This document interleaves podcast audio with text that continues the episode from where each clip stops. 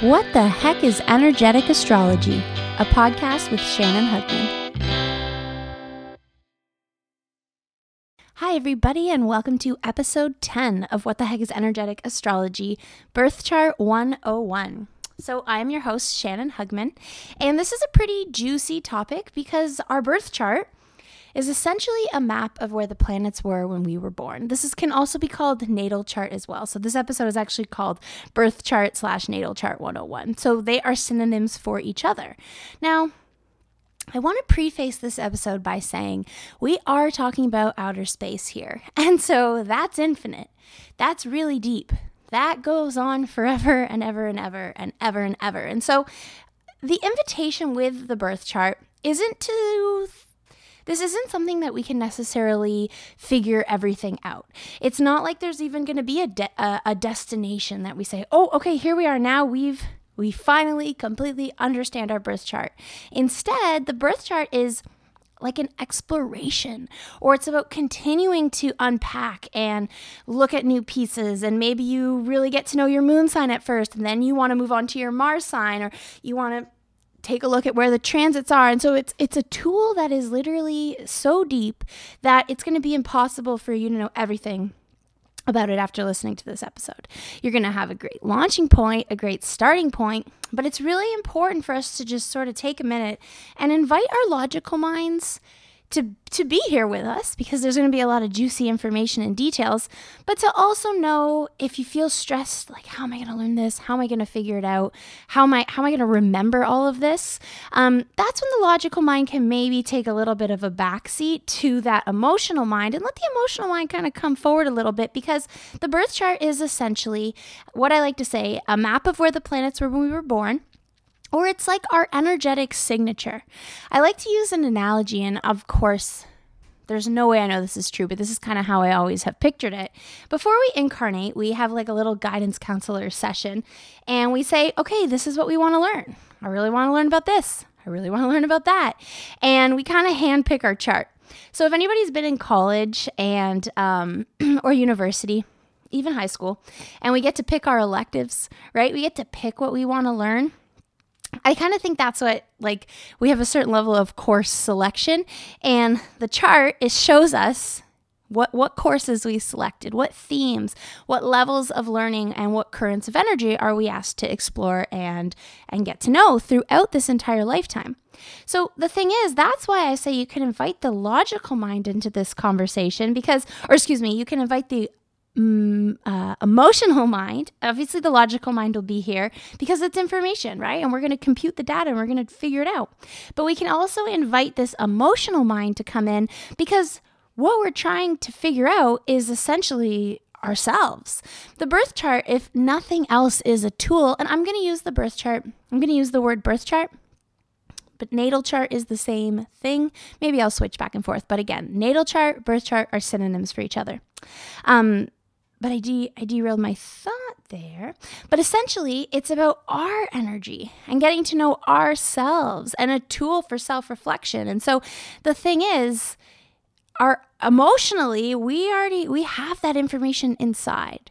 So the planets are not doing anything to us. The birth chart is never going to show us something that we didn't know existed. Instead if you are either reading a chart for yourself or you're reading a chart for someone else the goal is to tell them something they already know right? And and to to validate something maybe that has just been creeping around within their mind that they didn't have words for.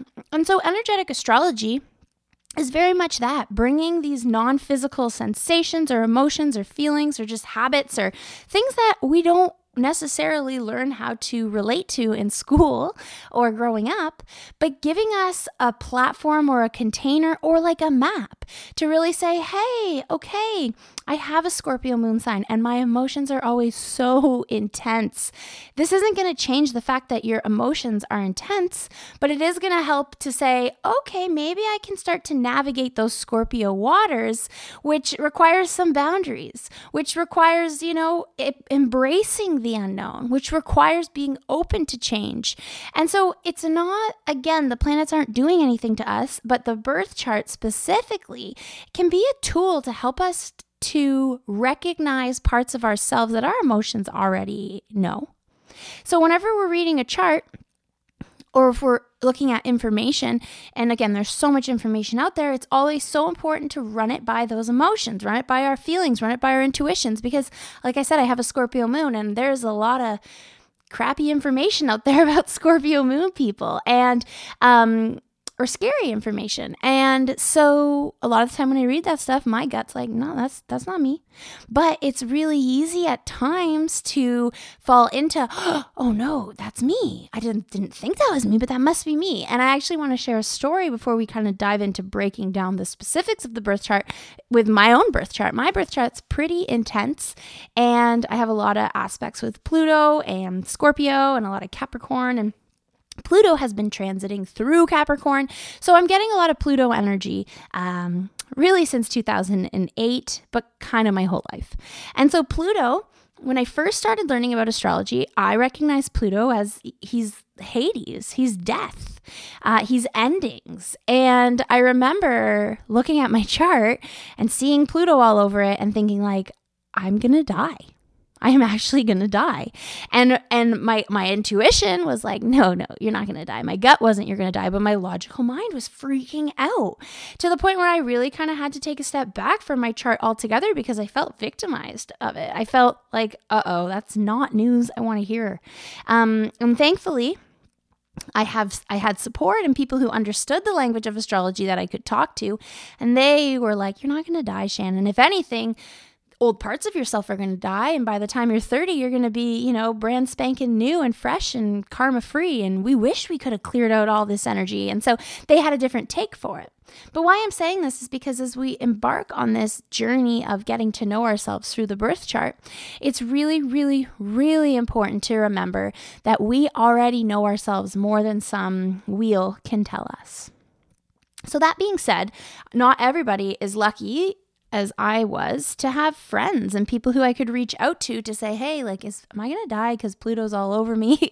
so as if you choose to be on this journey of reading the chart and you choose to learn more about the charts, please know that you can always send me an email. My email is info at shannonhugman.com. Uh, again, I can't necessarily guarantee that I'll respond as quickly as possible, but I will get there. And so if you have, if you come across some startling information online, you're doing research online, uh, you know, you can always send those my way because that has helped me a lot on my journey is having somebody to kind of bounce things off of and I'd like to be that for for my listeners. So the Art of Astrology Online Academy, which is my online course, uh, is all about birth charts. It's all about creating the charts, it's all about understanding the charts. And so, a lot of the information that I'm going to be talking about in this episode is really um, unpacked in that course. And so, you can get that course at shannonhugman.com. And if you use the code pay it forward in all capitals, pay it forward, you get a, it you get it for free, 100% off, but you got to pay it forward somehow, which could just look like a smile to a stranger. You don't have to do anything anything big or crazy. You could though. Um, so if you're really keen on learning more about this, feel free to go over to shannonhugman.com and use that code pay it forward um, to get 100% off the Art of Astrology Online Academy and then you can continue continue learning. So, like I said, birth chart is a map of where all the planets were when we were born, and it includes the entire zodiac. So, right off the get go, I've talked about this in other episodes, but I want to bring in this notion that we are all of the signs. So, last episode was all about why, or two episodes ago, we're not just our sun signs. Uh, so feel free to go back and listen to that. That's episode eight. But it's this idea of we're all the signs because the chart has all the constellations in it. And so if you're looking at the chart, essentially the logistics of it, the outer circle is going to have the symbols of the zodiac, the zodiac, um, yeah, the zodiac symbols. So that's like Capricorn, Pisces, Aries, Taurus, all that. That's the outer the outer wheel. Then on the inside of the chart, you're going to see a bunch of little symbols. So you might be spot one that looks like a moon, a crescent moon, maybe one with a circle with a dot, which is the sun sign. There could be the Venus sign, which is that feminine symbol, um, and Ma- or Mars, which is the masculine symbol. And again, this is why it might be great to go over and grab the Art of Astrology Online Academy because then you can see the symbols, right? You can get this information in a visual sense. Uh, there's the course includes videos and ebooks, so you can really have this information in front of you as well. I feel like it would really complement this episode. So essentially, that's the logistics is the outer circle are are the zodiac signs. The inner symbols are sometimes depending on I use astro.com. Um, and again, Art of Astrology breaks down all the step by steps to get those charts, but I go to astro.com and I click free horoscopes and I go down to extended chart selection. Um, however, you can, you know, get birth charts on a lot of different sources. So your chart, if you're using something that's not astro.com, it might look a little bit different, but essentially it's a pie chart with the zodiac symbols around the outside and then the planetary symbols on the inner circle. Or if your chart, you're looking at a chart from somewhere else, maybe they won't be on the inner circle, but they'll be like little lines showing where they fall through those zodiac signs. So basically, yeah, um, it's a map of where the planets were when we were born. We are all all the signs. Maybe I said this in another episode, but it's kind of like we are all the full house, not the show. We are an entire house, and there's all different rooms in the house, right? There's a kitchen and there's office and there's all these different things, and um, maybe you love to cook, so you use your kitchen a lot more. And I have an online business, so I work in my office more. And so it's this idea of just because we are all all the signs doesn't mean we are all all equally as much of the signs. There still leaves a lot of room for maybe again, you like that kitchen energy, your sun signs in Gemini, so you're in that Gemini part of the chart, where I'm in that Capricorn part of the chart. And so I really like to think about these charts as snowflakes, and they're all unique, just like each of us are so unique. And so it's very much a map to our unique energy, like our energetic signature. Um, and the thing is what is actually pretty cool is the more if you create start creating charts through the through astro.com or whatever like get some information from your friends and family because every chart looks so different and so i always just like to start by taking a look at the chart and saying what this looks pretty cool. What's what's jumping out at me? Again, I like to come at it with a compassionate curiosity, with a playfulness, not with a like this is math homework and I need to get the right answer, but uh what is interesting about this? Look at that. She has a bunch of planets clumped over there. What sign is that over there? Oh, it's Capricorn. What does Capricorn mean? Let's look at it and really just kind of like peel it back in a playful way versus a what's the answer? What does this mean? Where am I going with this? Because there isn't going to be a right or wrong answer. That's why I call the online course the art of astrology, because you can't do art one way or another. You get to create it and you get to have fun with it. So um, it's really always interesting to start by taking a look at the chart and just noticing what compels you because this is where we can bring in this intuition aspect or this emotional aspect or this artistic aspect is looking at the chart and what, what part is your mind gravitated to. You don't always have to start in the same place when you're looking at a chart. You don't always have to do the same thing. You could if you wanted to, but really leave room for your intuition to kind of come in and say, hey, well, this area looks kind of funky, or look at this person, this looks really balanced. So, I want to begin breaking apart the charts by talking about what I like to call the 12 themes.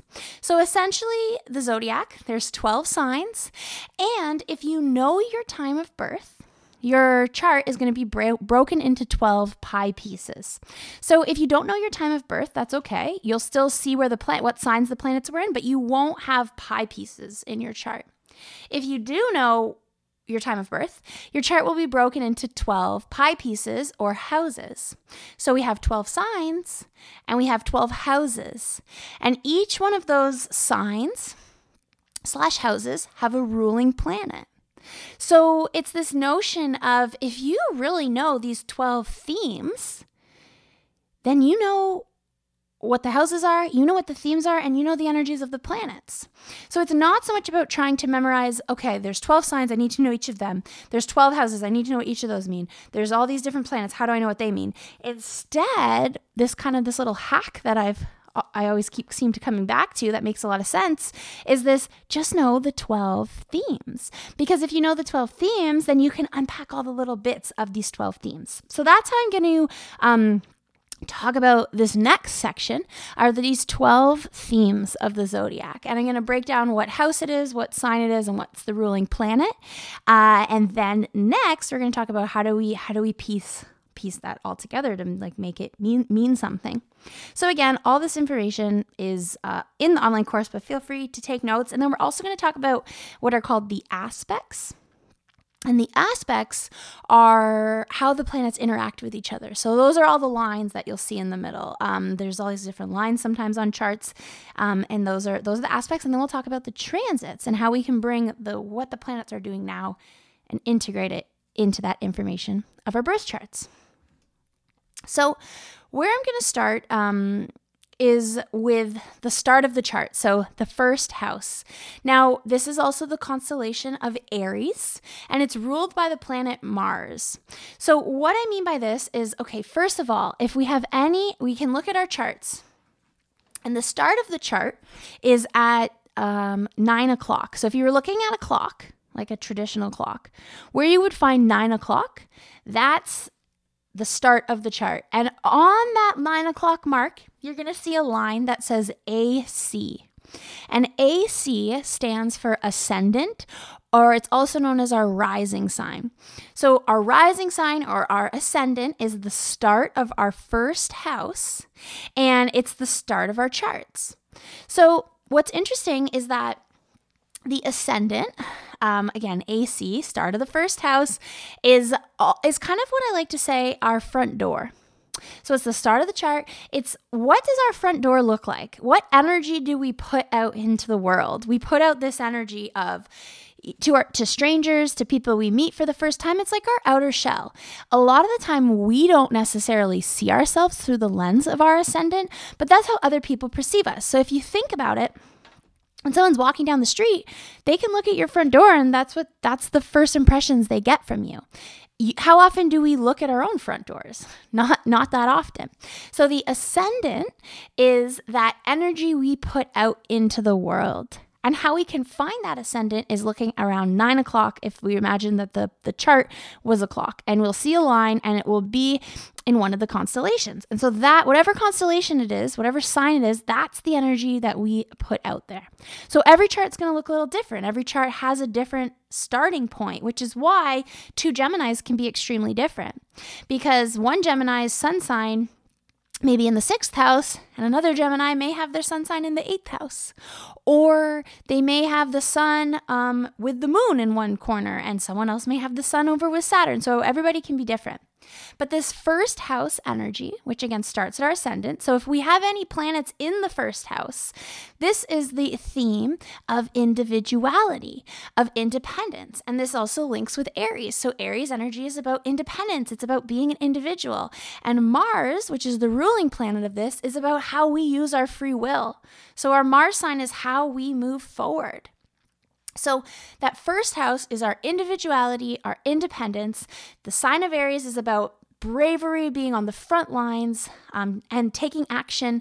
And Mars is very much about how we take action, how we move forward, um, how we use our free will. So, the second theme is the energy of Taurus, which is the second house, which is ruled by Venus. Now, bear with me here because not everybody's second house is going to be Taurus. And this is where I'm going to get to at the end of, of our um, of this discussion of the 12 themes is I'm going to break down what it looks for you, but I kind of want to talk about it just for a second so that people have a context as I'm explaining this.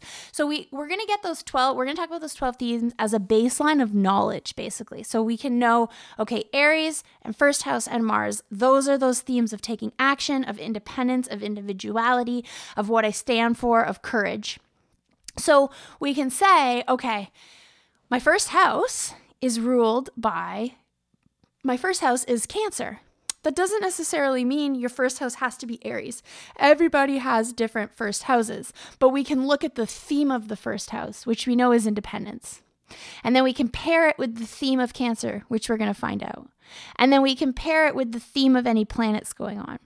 So I'm giving you these 12 themes as you can think of them as little um, puzzle pieces that later in the episode we're going to piece them together. So, as I say, Taurus, second house, Venus, this doesn't mean everybody's second house is going to be Taurus. It doesn't mean everybody's Venus is going to be in the second house or in Taurus.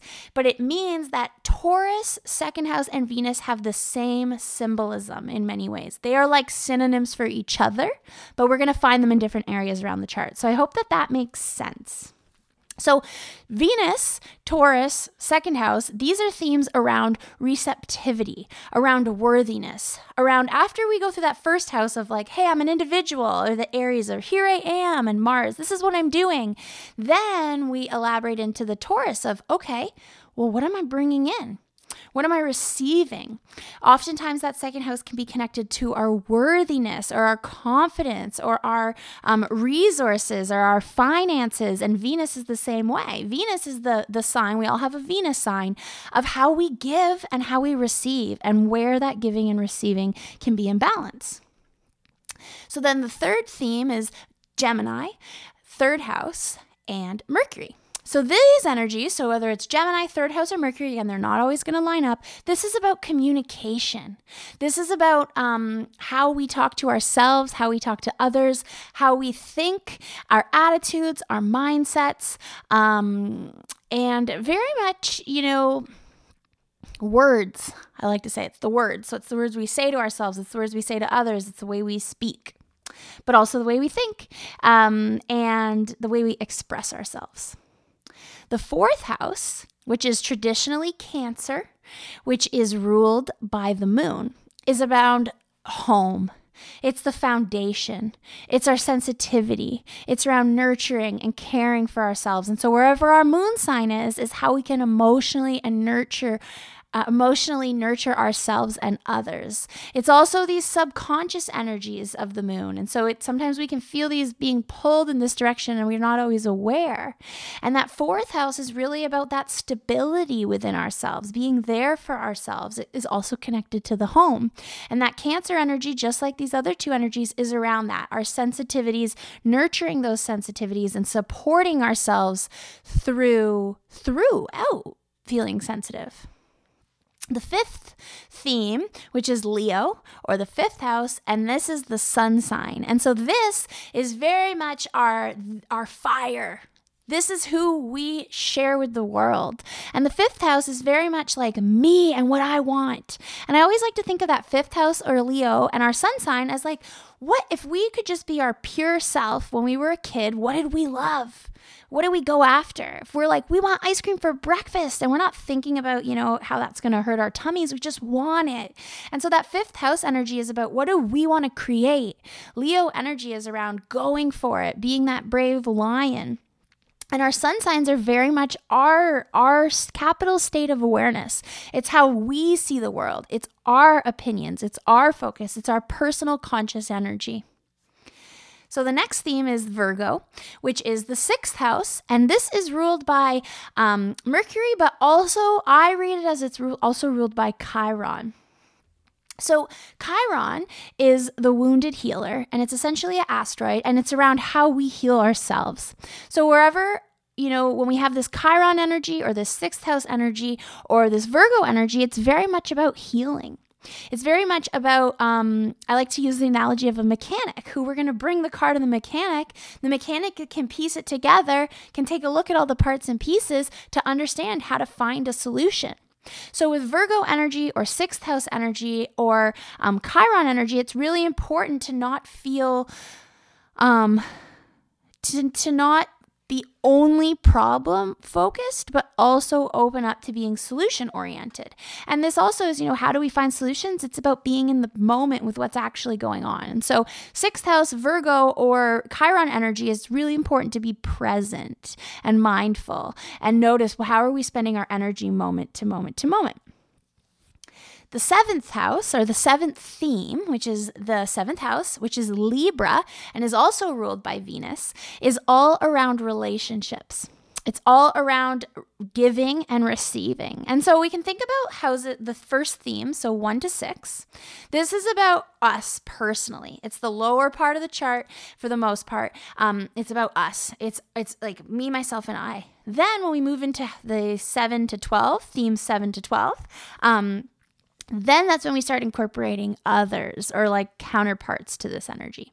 So, seventh house Libra, and Venus is around our relationships, around commitments, around being there in the long term. So, if you have energy in this, or you have a lot of Libra energy, or you have energy in the seventh house or Venus influence, um, you know, you're going to be committed. You're going to be looking for long term connections or partnerships. Um, and it's important to balance the giving and the receiving and making sure that that's all, all nice and fair and sustainable.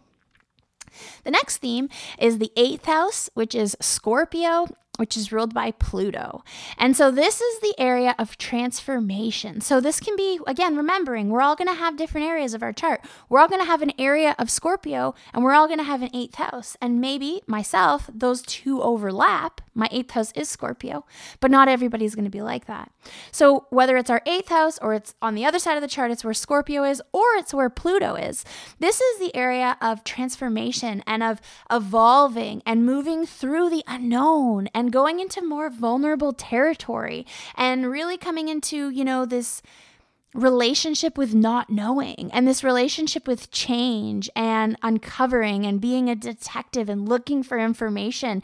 Um, and you know detectives sometimes find themselves in at crime scenes. And so it, it can also this energy can also be about going beneath the surface to places that feel like, you know, vulnerable or a little uncomfortable. And it's finally also about beyond our five senses. So it's our spidey sense, I like to say, our intuition. So that's the eighth house or Scorpio or Pluto.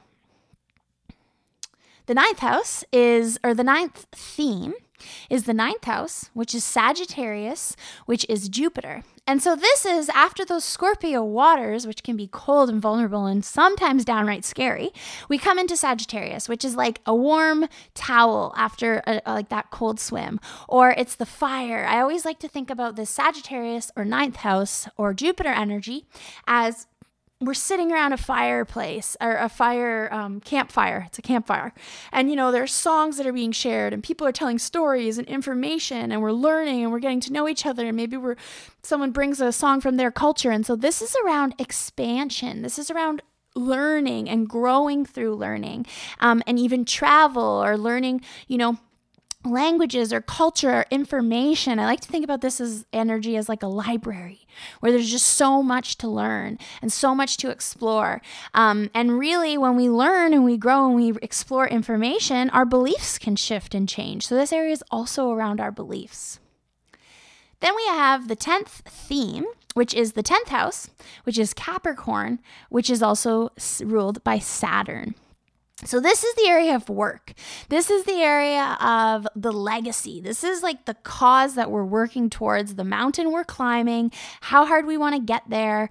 Um, and you know it's a lot about the energy is about ambition and working hard and um, uh, there's also lessons around not having to push ourselves so hard too but also being a little easy and gentle on ourselves so uh, saturn is very much the planet of um, responsibility, of commitment. I like to say it's the university professor. So this energy can be kind of dense or harsh, but it's like we put in the response, the response, the responsive, responsibility. We put in the responsive.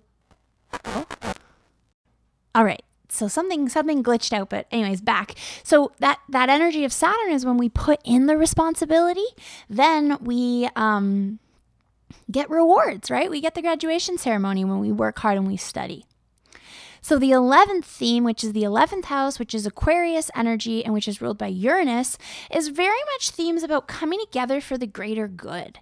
It's the the cause, the grassroots movement, it's the networking, it's the communities and and Uranus is about the power of trying things differently, of being, you know, in, innovative and open to change and trying new things. Um, And Aquarius is very much about the greater good. And so the 11th house, just like Aquarius and um, Uranus, is around, you know, finding the cause and, and sharing what I love, but sharing it with the greater good and coming together for like, for a higher reason. Then we have the 12th house. And so the 12th theme is the 12th house which is Pisces, which is ruled by Neptune. And this is now the end of the chart. So this is that final area. And something I should have said at the beginning is that the chart moves counterclockwise. So, like I said, nine o'clock is the start of the chart and it moves counterclockwise from there. So, the 12th house is where everything kind of gets very multidimensional. A lot of the time, people, uh, astrologers will read this area as karmic. Um, and Pisces energy is very multidimensional too, and Neptune, in a lot of ways, can represent uh, the higher power or the divinity. And so this is the area, this theme of, of the zodiac and this theme of the houses and this area of Neptune is very much about um, disconnecting from physical reality and tuning within or tuning above or below or just going into the ethers. And really that idea of like you know there's more to it than what our logical minds tell us tell us right now. And so this is a great area for sleeping or relaxing dreaming. Um, you know a lot of psychic people are going to have a lot of either pisces or 12th house or neptune influence in their charts. So like i just ran through those 12 signs we have your charts are not going to all look the same. Not everybody's first house is going to be Aries, but everybody's going to have one Aries area and everybody's going to have one first house area. And everybody's going to have maybe a sign in there or, or, a planet in there. So, how I like to say this is this is what I like to call the piecing it all together. And so, when we're piecing it all together, what I'd like to do is I first like to open up a chart and I first I just say, what does my gut tell me to start with? What's really interesting? What am I pulled towards? And when I go towards, okay, this area, I literally a lot of the time, I'll, well, when I was starting, I'd like put my finger on this area. It's like, okay, I want to talk about this moon sign. So I know especially again you know this could be feel like a lot of information or not enough information but you also have access to that online course and me you can just email me your questions at any time um, if you want to know more. So we know the moon sign through either remembering what i just said or through looking through the book the ebooks um, the moon sign represents our emotions. It's how we emotionally relate. It's how we can nurture ourselves and others. So we're like, okay, we're going to start with the moon sign, which we know is our emotional tone. It's how we can emotionally relate to ourselves. Okay, this person has the moon in Aries. Okay, themes around Aries independence, um, being on the front line, being that warrior. And it's in the eighth house okay, eighth house is that house of transformation. Eighth house is that area of, you know, the unseen or trusting our intuitions. So we would then say, okay, this moon sign, how this person can emotionally relate to themselves is through independence, through trusting themselves, and through listening to their intuition and trusting their gut. And that way take them into vulnerable territory and changes and transformations. So we can then go back and we can say, okay, now I want to talk about their Venus. And maybe their Venus happens to be in Libra. And then this is where the aspects can come in because the aspects are all the lines, and these are how the planets interact with each other. So these are based on um, angles created, like certain angles, certain degrees create angles. And you'll also notice that every sign or every planet has a little number beside them. And that's what degree the planet's at. Now, numerology does come into play with astrology, but that's another episode because I really want to give the numerology its own space to kind of speak because it's really powerful and important. So we're not going to get too much into the numerology here, but where depending on what degree the planets are at is how they interact with each other. So we have technology. We're not like ancient astrologers who would have to, you know, map it all out and get out their protractors and draw the angles so that we'd know what connects where. We have the lines. So basically to dummy it down, I like to say red lines are are either oppositions or squares. And oppositions and squares are like potentially two people arguing about the same thing but misunderstanding each other. So there can be misunderstandings between those planets, but there can also be a lot of growing through contrast. So red lines aren't bad. It's like two people, again, arguing the same thing but not hearing each other. And so a lot of the time when we see certain planets that have red lines connecting to other planets, that means each planet on the end of those red line need to listen to each other. So, in this analogy or in this example, um, where I was saying, okay, this is a moon in Aries, let's say this chart has a red line coming off the moon to the other side of the chart, and they have uh, Venus in Libra. And now they have Venus in Libra, opposite with that red line, or maybe if it could be, it could be squaring too, but opposite. Um, squaring would be if the Venus was in Cancer or Capricorn because then it would make a 90 degree angle. But again, this is more described in the course because honestly, it's kind of hard to talk about it without um, you seeing pictures of it. But anyways, this is this piecing it together part. So we, we we wanted to talk about the moon sign. We looked at the moon sign. Then we look at the opposite chart and we're like, okay, Venus is over here in Libra in the second house. So now let's piece that together. So Venus is our is our Venus sign is how we relate to people, how we can. Um, give and receive in a balanced way and how we can really create beauty. Okay, so I've got my Venus sign is in Libra. So, Libra is again that theme of balance, of commitment, of being there for others. And so, this would mean when I'm in a relationship, Venus, I'm all in, Libra, committed, I'm that, you know, trustworthy person. And then in my second house, this can mean, okay, but I'm learning lessons around confidence and worthiness in relationships. So it's important for me to make sure that I have boundaries with the people in my life because then I have that moon sign. So it could look like, okay, so my moon sign's over on the one side of the chart, and it's about following my intuition and being brave enough to follow my intuition. And then where the argument can maybe be is people reflecting, um, showing me what I don't deserve me compromising what I want for what someone else needs. Or it can be me really knowing myself with that moon in Aries and having boundaries around what kind of people I receive, that Libra in Venus, and then they can work together. So, like I said, there's never going to be a you know, you never get, there's no answer sheet, right? There's no answer key. There's no right or wrong way. But you can really start by getting to know those 12 themes because each of those 12, if you know those 12 themes, then you're going to know the signs, you're going to know the houses, and you're going to know the planets. And I honestly think it's really helpful to get that kind of that reference point, um, and then break it down. So it's this idea of having fun with it, exploring with it, and not getting too too stuck in it. Another thing that can happen is when we see planets that are close together, within 10 degrees of each other, their energies work together, they flow together. So that's another thing you can notice. You can say, okay, my moon sign is right beside Pluto. Okay, well, that means Pluto is the planet of transformation, of, of depth, of sometimes our fears, even, or the unknown. And so I'm with my moon sign right beside Pluto, I'm going to be emotionally connected to transformation or changes, or maybe I'm very afraid of the unknown, or maybe the unknown makes me uncomfortable. However, there's probably an emotional pattern there to explore as to why. So we can go on and on and on and on. Um, however, I think I want to leave it at that in terms of the natal chart. Um, and then also, one thing I want to add is we can also take a look at where the planets are now.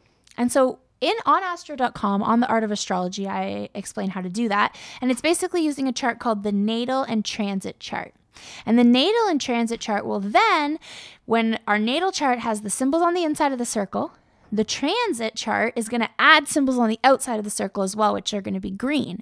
And those outer symbols are going to show you which house the planets are in now, which signs the planets are in now.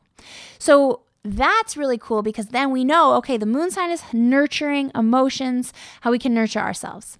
Then we can take a look at okay, the moon changes every two and a half days. And so we're like, right now, the moon is in Libra. So take a look at where is Libra in your chart? Oh, it's your house, your seventh house, your house of commitments, of relationships. So for these two days, as the moon moves through this area, maybe you're going to be feeling, you know, your relationships or feeling, you know, some deeper commitments or things like that. Whereas, um, you know, maybe you're the opposite, and maybe Libra's your first house. And so when the moon moves through Libra, you feel, um, you know, independence and you don't want to be on your own or things like that. And again, every planet moves at a different speed. So Jupiter, where Jupiter you find Jupiter in Sagittarius, that's going to be there for a year.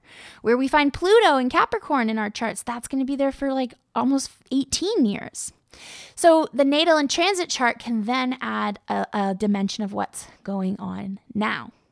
So I hope that this is a great foundation because that's what I want this to be is, is a starting point. And if you want to dive in more, I really do invite you to get the Art of Astrology Online Academy and you get 100% off with the code Pay It Forward. So that's pretty cool. But if you're also like, you know what, I don't want to learn how to do it myself and I just want to just know what my chart means, then you can always book a one on one session with me um, at shannonhugman.com. Uh, and you can always, always, always email me your questions at info at shannonhugman.com. And if you do email me questions about your birth chart, please include a picture of your birth chart because then that can help me to to just answer to answer easier. So, like I said, this is outer space. this is goes forever. We're never going to be able to just get to the end of it and say, "Okay, now we know it." But hopefully this idea this of these 12 themes and how we can know these 12 themes and then piece them together for how they fall in our chart can really help to create an easier way to wrap our minds around it. And maybe you're like, "This doesn't work for me," and that's totally cool too. I'd still love to hear from you um, if you have any feedback for how I can make this more understandable. So I hope that you enjoyed this episode. You can always ask me your questions via email at info at shannonhugman.com. And thanks so much for listening.